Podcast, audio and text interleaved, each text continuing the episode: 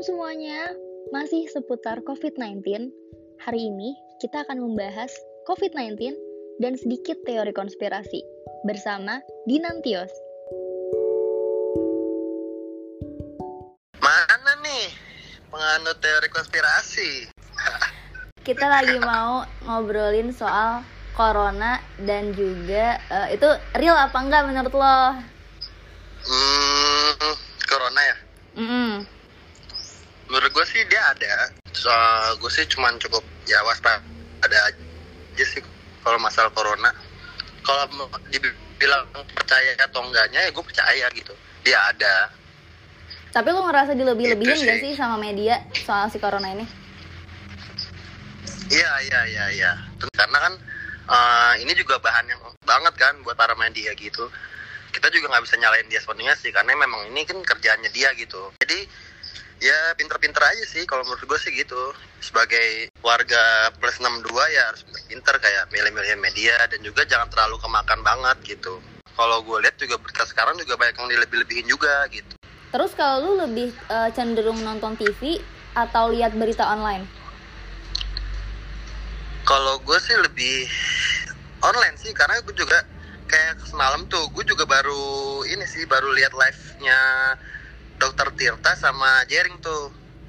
Oh iya iya, gue nonton juga tuh semalam, seru juga ya. Heeh. lumayan sih karena juga gue lihat rame banget sih sekitar 150 ribuan lah itu Yang nonton yang ya? oh ya nonton. Gokil. Jadi karena juga ini sih gue juga seneng juga sih sama pembicara mereka dan gue juga memang termasuk yang suka teori konspirasi gitu. Betul betul betul. Makanya mungkin kenapa mereka juga akhirnya banyak yang lihat karena penasarannya itu ya sama topik yang Ya. lagi diangkat.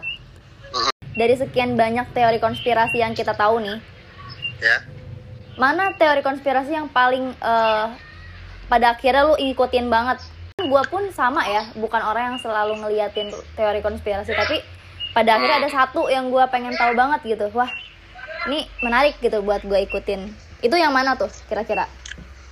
Kalau gue pribadi sih gue lagi greget sama vaksin corona sih. Kenapa? Ya karena menurut gue gimana ya?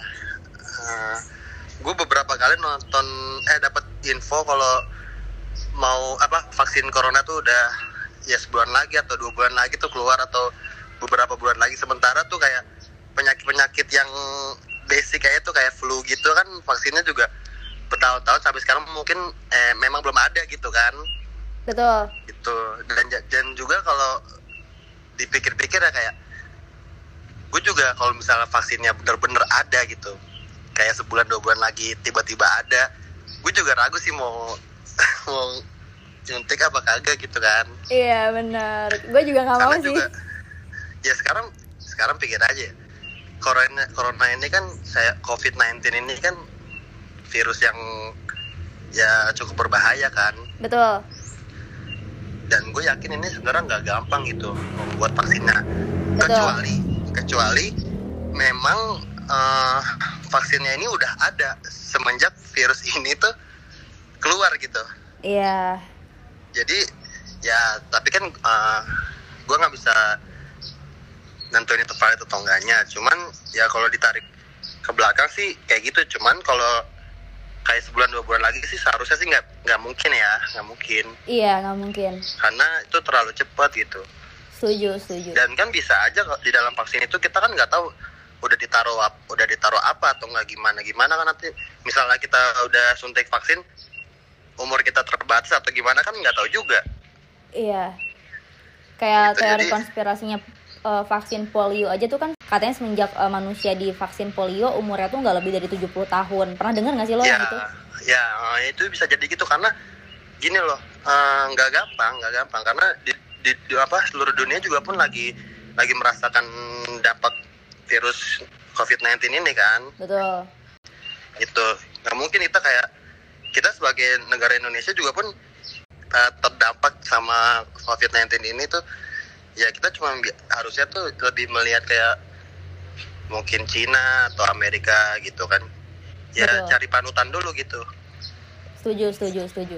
Terus menurut lo tanggap eh, terus tanggapan lo sendiri gimana nih eh, untuk para netizen yang meremehkan si COVID-19 ini karena kan mereka ada tuh sebagian yang bilang oh, COVID-19 ini bohong nih nggak ada kayak gitu itu Iya. gimana? Kalau gue sih pribadi ya, eh gue sih nggak bisa ngomong banyak ya tentang kayak netizen gitu. Cuman kalau gue sih lebih ke ya kita sebagai eh, warga Indonesia yang baik gitu kan.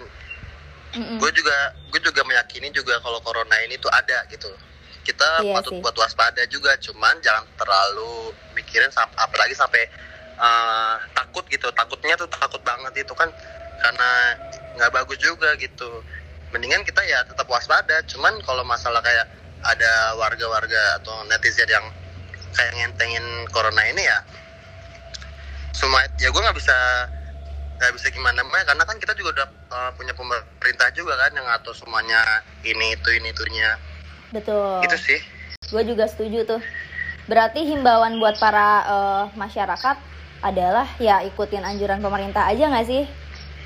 Iya kalau gue lebih kayak gitu aja dan juga jangan terlalu eh, parno karena ya gimana kita kan juga harus eh, kita juga kan juga harus bisa ngejaga keluarga kita juga kan. Karena orang-orang terdekat kita yang harus kita jaga buat eh, pertamanya kan keluarga lingkungan terdekat gitu. Kayak teori konspirasi ini sebenarnya kita boleh percaya boleh enggak.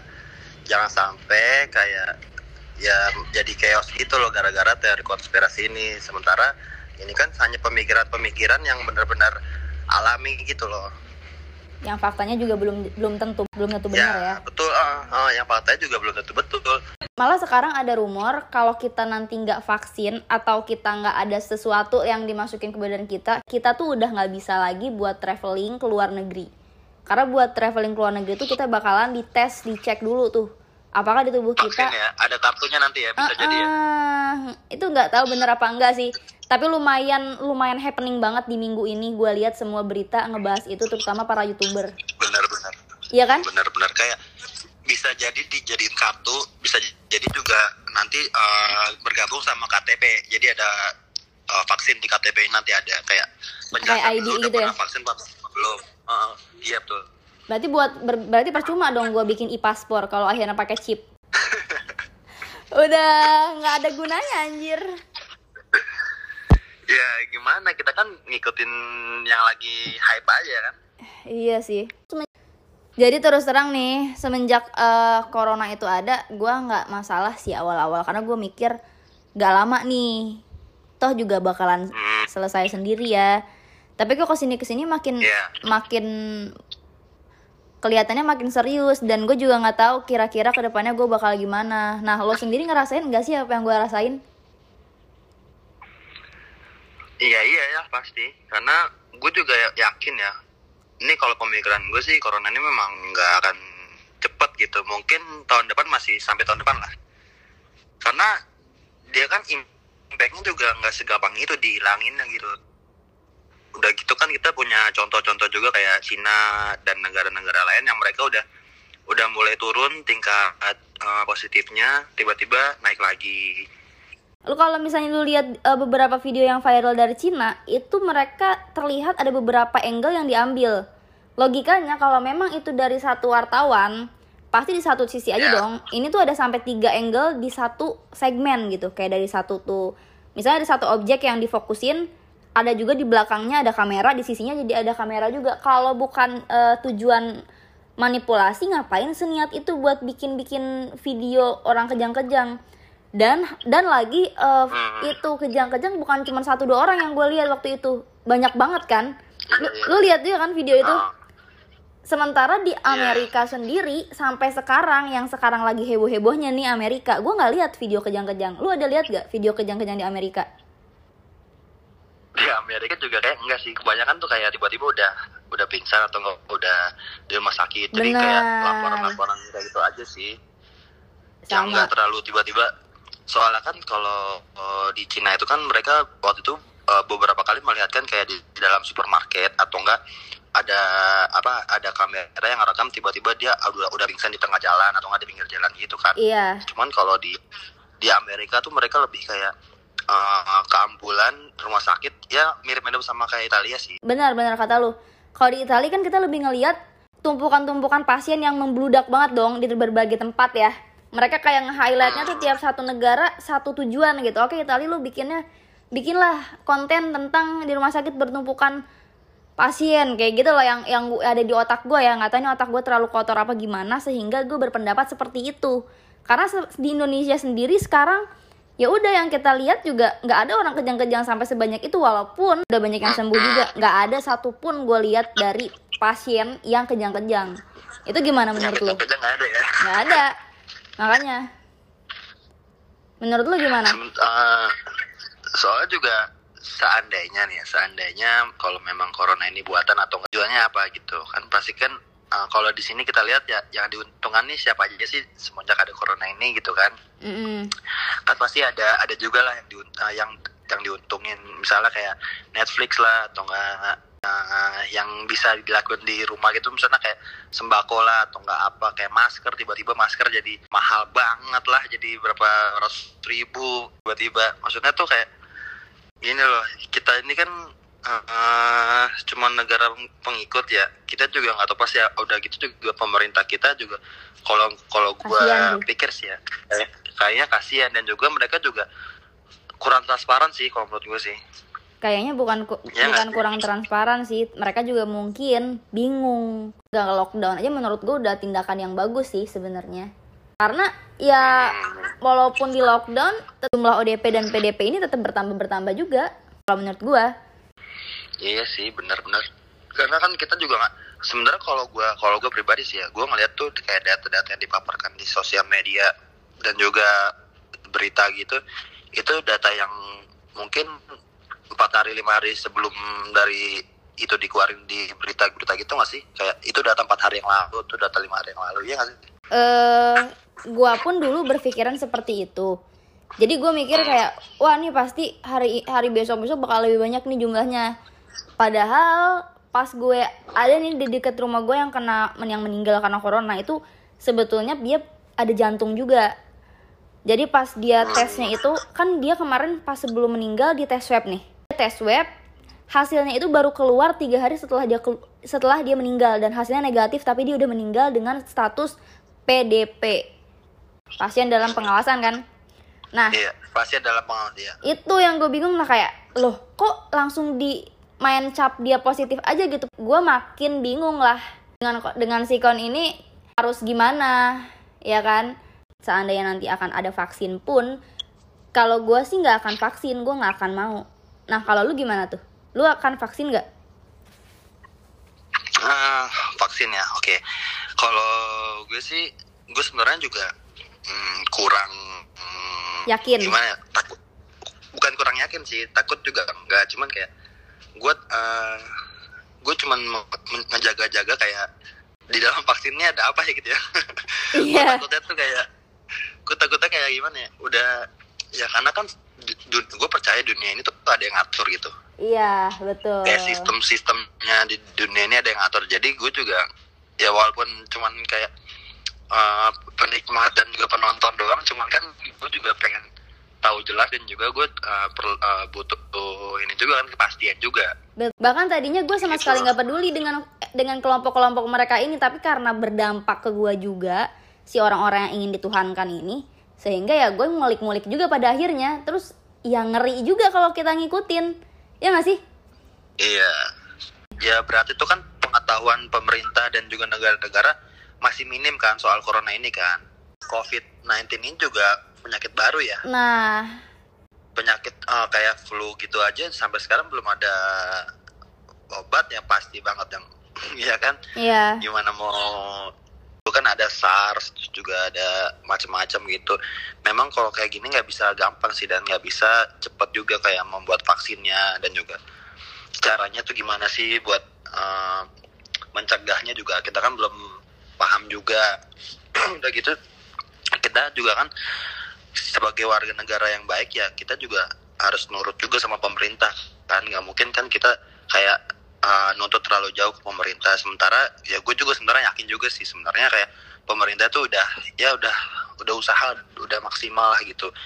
Walaupun ya pasti juga ada juga yang mereka jaga dan juga ada juga yang mereka kayak eh, nggak keluarin gitu. Karena mereka eh, semua penduduk di dunia ini kan ada yang siap dan juga ada yang nggak siap untuk kayak perubahan gitu loh jalanin aja apa yang kita bisa lakuin gitu. Apa yang kita bisa lakuin ya kita lakuin. Dan misalnya kalau ditanya gue udah rajin beribadah lebih peka sama lingkungan juga gitu-gitu aja sih sebenarnya.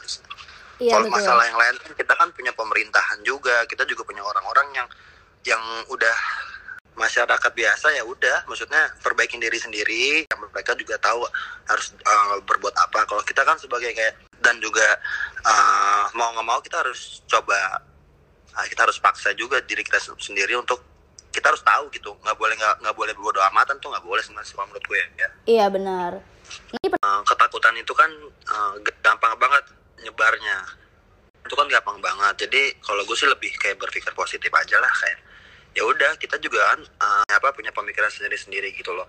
Dan juga gue kalau kalau gue pribadi sih lebih kayak ya udah gue lebih mikirnya kayak kita mendingan ikutin pemerintah kita aja tetap berpikiran positif. Karena kan uh, di masa pandemi kayak gini kan gue nggak bisa egois juga dong kayak gila gue aja terakhir tuh ngeliat masih banyak yang tawuran lah masih banyak yang ini lah oh iya kayak ada apa banyak napi kan sekarang banyak napi yang dibebasin tiba-tiba mereka berulah lagi. Nah itu menurut gue sih kocak banget sih kayak Iya. ya udahlah udah. Bukannya di apa bukannya di rumah aja gitu kan nikmatin udah baik udah bagus-bagus dikeluarin itu malah berulah lagi kan aneh banget. Betul. hmm contohnya tuh kan kayak gimana ya? Tuh orang nggak nggak takut apa gimana gitu kan?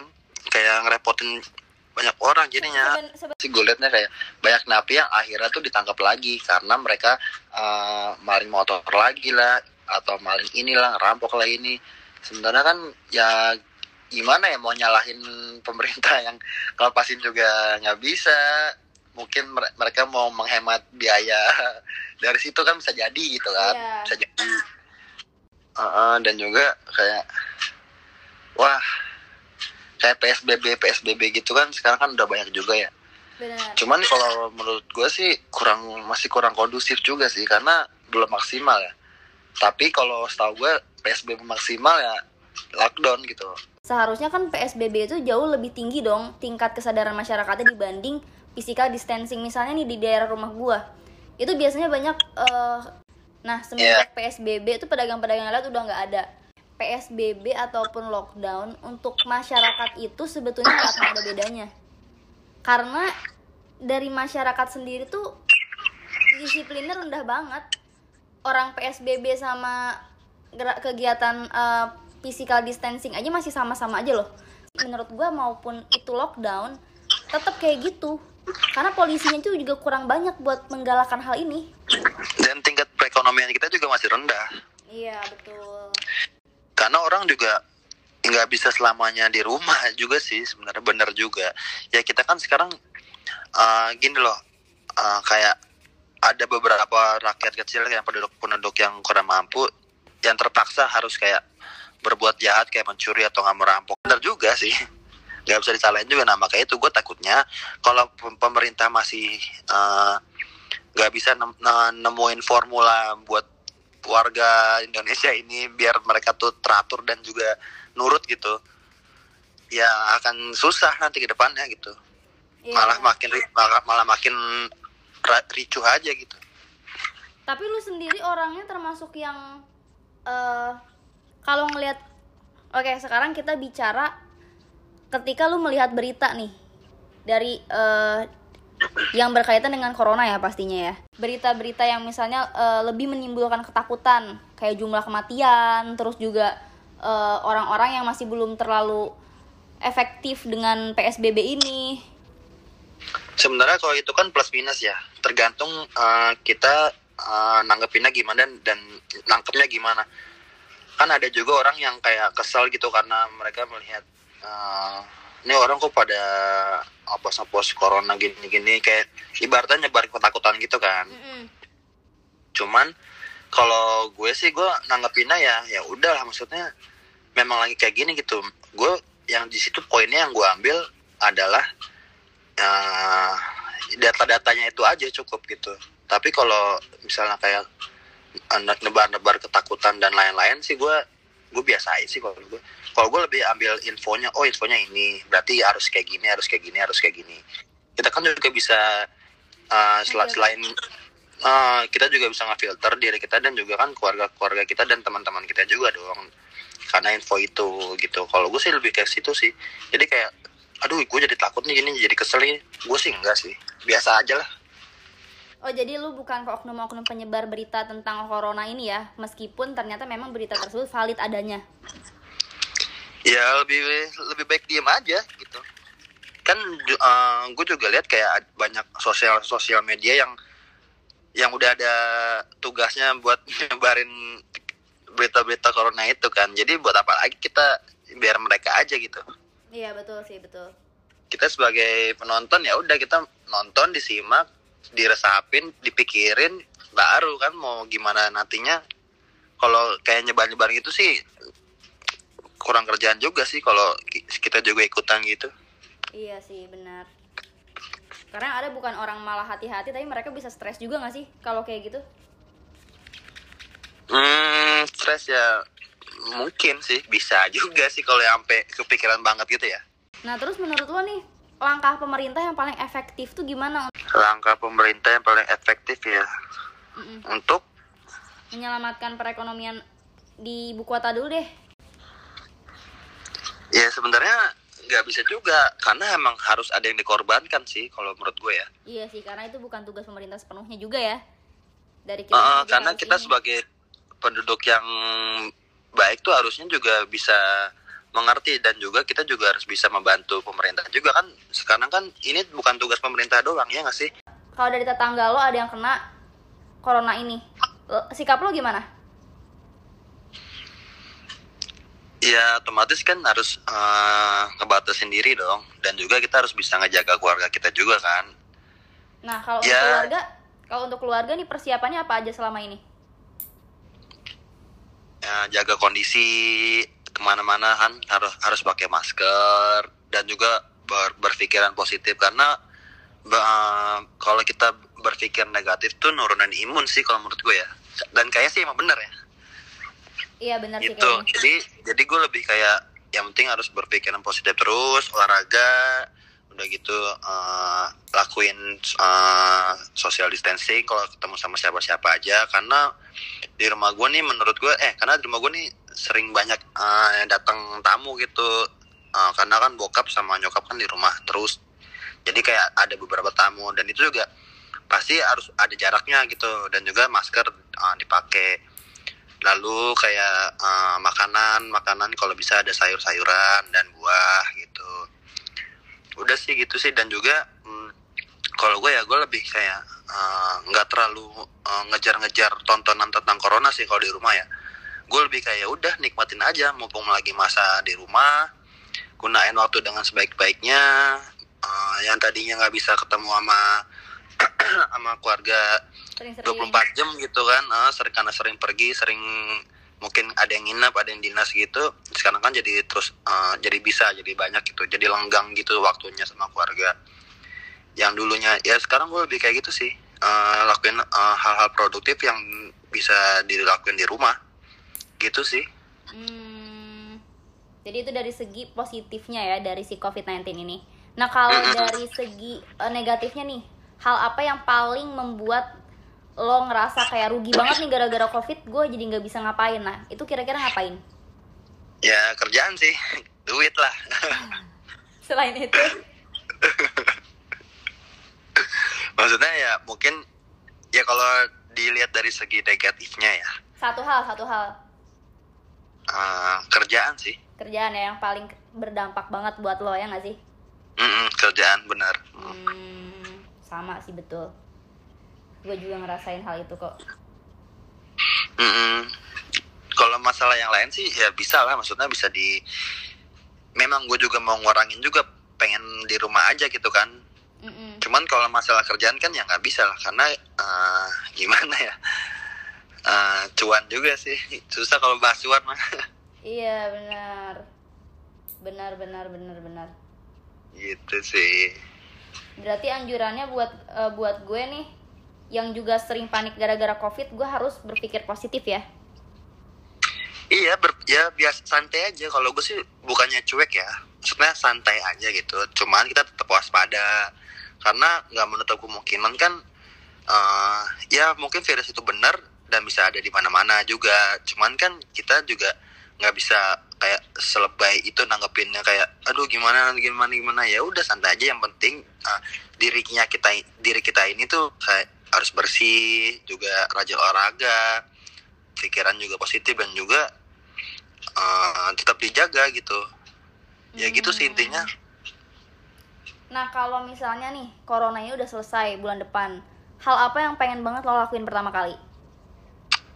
Mungkin sih bulan depan selesai menurut gue ya Misalnya, oh pokoknya misalnya kalau pokoknya hal apa yang pengen lo lakuin banget pertama kali setelah corona ini selesai? apa ya hmm, ya keluar rumah Ke mana? mungkin ke ketemu teman kali ya karena udah kangen sih Pas pertama kali ketemu teman lo mau ngapain? Mau pelukan nggak? Enggak sih agak jijik kali itu. Soalnya kan gue Ya, lihat di, kalau- di di Instagram kan rame tuh orang-orang pada bikin konten yang kayak kalau udah selesai uh, corona mau pelukan sama temen-temennya kayak gitu. Nah, ya ini biasa aja sih. Cuman sebenarnya sih cuman ya kalau dari segi situ ya cuman ya oke lah. Maksudnya eh, kerjaan juga pasti kan mau ngebenah ngebenahin kerjaan juga kan yang kemarin tuh ketinggalan kan Betul. dan juga eh, makanya itu gue juga kayak sebagai saran ya saran ke sama ke yang W- lagi W, WFH itu di rumah Mm-mm. jangan sampai nanti eh, kaget gitu jadi walaupun di rumah aja Dicicil. jangan sampai kalian tuh cuma rebahan aja jadi tetap kayak lakuin apa aja yang bisa kalian lakuin gitu jangan sampai nanti pas lagi udah masanya wah harus kerja lagi kalian jadi eh, kehilangan banyak momen nih dan juga eh, jadi agak males-males gitu Betul, betul. Tapi tenang aja kalau orang-orang yang WFH itu pasti udah ada waktu-waktu dan eh, jadwal-jadwal mereka nih. Kapan mereka harus video conference sama temen-temennya. Kapan harus diskusi tentang kerjaan. So far sih gue gitu kalau yang WFH. Soalnya gue WFH beneran nih. Kalau lu kan beda nih, Pak. iya iya iya benar-benar itu beda. Nah, misalnya nih, corona ini selesainya sampai bulan Desember atau tahun depan ya, let's say. iya oke Kira-kira tanggapan lo gimana dan apa aja yang lo harus persiapkan di rumah? Wah, ya kalau ya kalau gue sih mikirnya ya corona ini corona ini memang nggak akan cepet sih. Mungkin bisa sampai tahun depan gitu. Mungkin ya, karena melihat dari eh, penduduk di Indonesia ini juga eh, eh, kita ini masih masih kekurangan banget gitu. Kalau dari segi perekonomian juga keamanan juga mungkin kurang tegas ya. Karena menurut gue kalau tegas tegas sekalian gitu. Jangan nanggung nanggung kalau ini ini tuh masih nanggung kalau menurut gue ya Iya, dan juga kalau kalau corona bisa sampai Desember ya ya pasti otomatis eh, perekonomian anjlok banyak banyak eh, banyak yang dipospon juga dan juga pasti banyak yang di cancel juga kayak kerjaan kerjaan gitu betul. ya gue sih Tapi di luar negeri pasti juga ngalamin hal yang sama. Nah, anyway ada satu lagi nih hal menarik yang pengen gue tanyain sama lo yang ini tuh bukan teori konspirasi, tapi udah masuknya tuh udah ke fakta ya, karena diberitakan di beberapa media internasional. Yaitu ada dua negara yang saat ini sudah eh, meluncurkan satu mata uang yang sifatnya mendunia. Ada dari Amerika yaitu Libra, besutan Facebook. Jadi eh, Libra ini digadang-gadang menjadi satu nilai mata uang yang nantinya akan mewakili semua perekonomian dunia. Nah, satu lagi ada mata uang digital dari China. Menurut lo nih, efektif nggak sih dengan satu mata uang di dunia ini? Misalkan penduduk bumi ini pakai satu mata uang, menurut lo gimana? menurut gue sih nggak nggak efektif sih nggak bisa lah kalau disamain gitu Kenapa? ya karena kan perekonomian juga kan nggak sama Gue juga mikir kayak gitu sih, tapi mungkin ke depannya kita bakal bakalan menerima itu, kita nggak tahu, ya kan? Apalagi kalau pada akhirnya kita dipaksa untuk meminjam sesuatu yang kita harus bayar dengan kita harus mau dengan menerima mata uang tunggal tadi. ya ya bisa jadi juga sih. Nggak ada yang ya nggak menutup kemungkinan lah. Iya benar. Cuman gue kurang setuju aja kalau kayak gitu. Terus kira-kira sikap lu mau gimana kalau kayak gitu? Kalau ya gimana ya? sebagai warga negara yang baik. Apakah lu hanya berpikir positif aja tapi udah legowo lu terima-terima aja pada akhirnya atau lu malah memberontak. Ya udah gue nggak mau. Intinya gue nggak mau. Lu lu menentang kebijakan itu lu gimana? Kalau sampai menentang gitu dan memberontak itu sih kayak nggak sampai situ ya. Cuman eh, ya ya gimana ya? Gue juga nggak bisa harus nggak bisa gimana gimana sih? Karena gue juga gue sebagai warga negara yang baik ya gue harus percaya juga dong sama pemerintah eh, Indonesia. Karena menurut gue ya udahlah apa yang mereka ambil apa yang mereka putuskan mungkin itu yang terbaik gitu. Udah melalui pertimbangan Ya kan? yang lumayan ya pasti ya. Eh, udah udah melalui pertimbangan di ABCD yang di atas itulah pokoknya. Iya betul sih. Itu sih lebih. Cuman kalau dibilang setuju nggak kalau ditanya setuju nggak tuh setuju nggak setujunya ya gue nggak setuju gitu. Hmm, sama lah, kayak semua orang juga di bumi ini nggak akan ada yang setuju kalau dipakai jadi mata uang tunggal. Karena pasti akan mahal banget semuanya, bakalan sesuatu tuh jadi, wah gue nggak bisa bayangin Iya. sih. Walaupun memang Makanya mungkin harga apalagi- harganya menyesuaikan dengan daerah masing-masing, misalnya, oke, let's say kita eh, lihat dari mata uang yang China itu, sebenarnya lebih masuk akal yang China sih. Walaupun gue nggak tahu persis ya kayak gimana nantinya. Karena si China ini dia pakai mata uang tunggal yang sistemnya itu tidak berupa fisik tapi digital nanti setiap Oh, setiap masing-masing dari kita nih di handphone kita walaupun kita nggak punya sinyal dan gak ada koneksi internet dengan kita punya satu alat yang didekatkan dengan eh, semacam token lah di satu merchant gitu itu bisa melakukan transaksi. Kayak gitu jadi seperti OVO lah tapi nggak ada lebih efektif handphone. jatuhnya. Iya. Tapi tetap aja sih nggak kebayang sih gue masih bingung. Cuma tetap sih. Iya terus anyway di, di daerah lo nih ada sesuatu yang anyway di daerah tempat lo tinggal ada ada hal yang ada hal yang signifikan berubah nggak sih? Misalnya yang tadinya eh, keamanan tuh cuman sedikit aja orangnya terus sekarang jadi meningkat banyak yang jaga atau malah justru banyak kejahatan? Oke kalau kejahatan tuh pasti ada ya di mana-mana ya. Heeh. tapi kalau kalau perubahan di sini sih cukup cukup berubah ya dari segi ya jadi sepi terus juga sesekali ambulan lewat gitu kan. Wah kenapa terus tuh? juga nggak tahu deh kayaknya tuh ada yang lagi sakit perut atau nggak ada yang gimana gitu kan. Belum tentu corona juga kan. Iya. Nah udah gitu juga kayak pengamanan juga banyak yang banyak yang patroli juga sih kayak polisi-polisi gitu. Karena kan di, eh, di gue ini kan deket sama Polres ya jadinya tuh kayak cukup ya terjaga lah oh Hmm. Kalau uh, kemarin sih gue dengar berita ya di daerah gue tuh ada Indomaret yang habis kebobolan gitu juga kayak dipegal gitu. wah sama Jadi orang asing hmm? nggak tahu deh. Jadi tuh pelakunya juga ya kan cuman ketangkapnya di kamera doang pakai masker juga. jadi sekarang jadi orang jadi nyaru ya pakai masker sama orang biasa yang pakai masker sama perampok yang pakai masker jadi nyaru. Iya benar, setuju setuju. Malah nggak ketahuan orang beneran nih mau mengantisipasi vi- virus atau ternyata dia ada modus mau jahat. Mm Habis itu barang-barang di Indomaret akhirnya ya udah Oh. kasihan sih.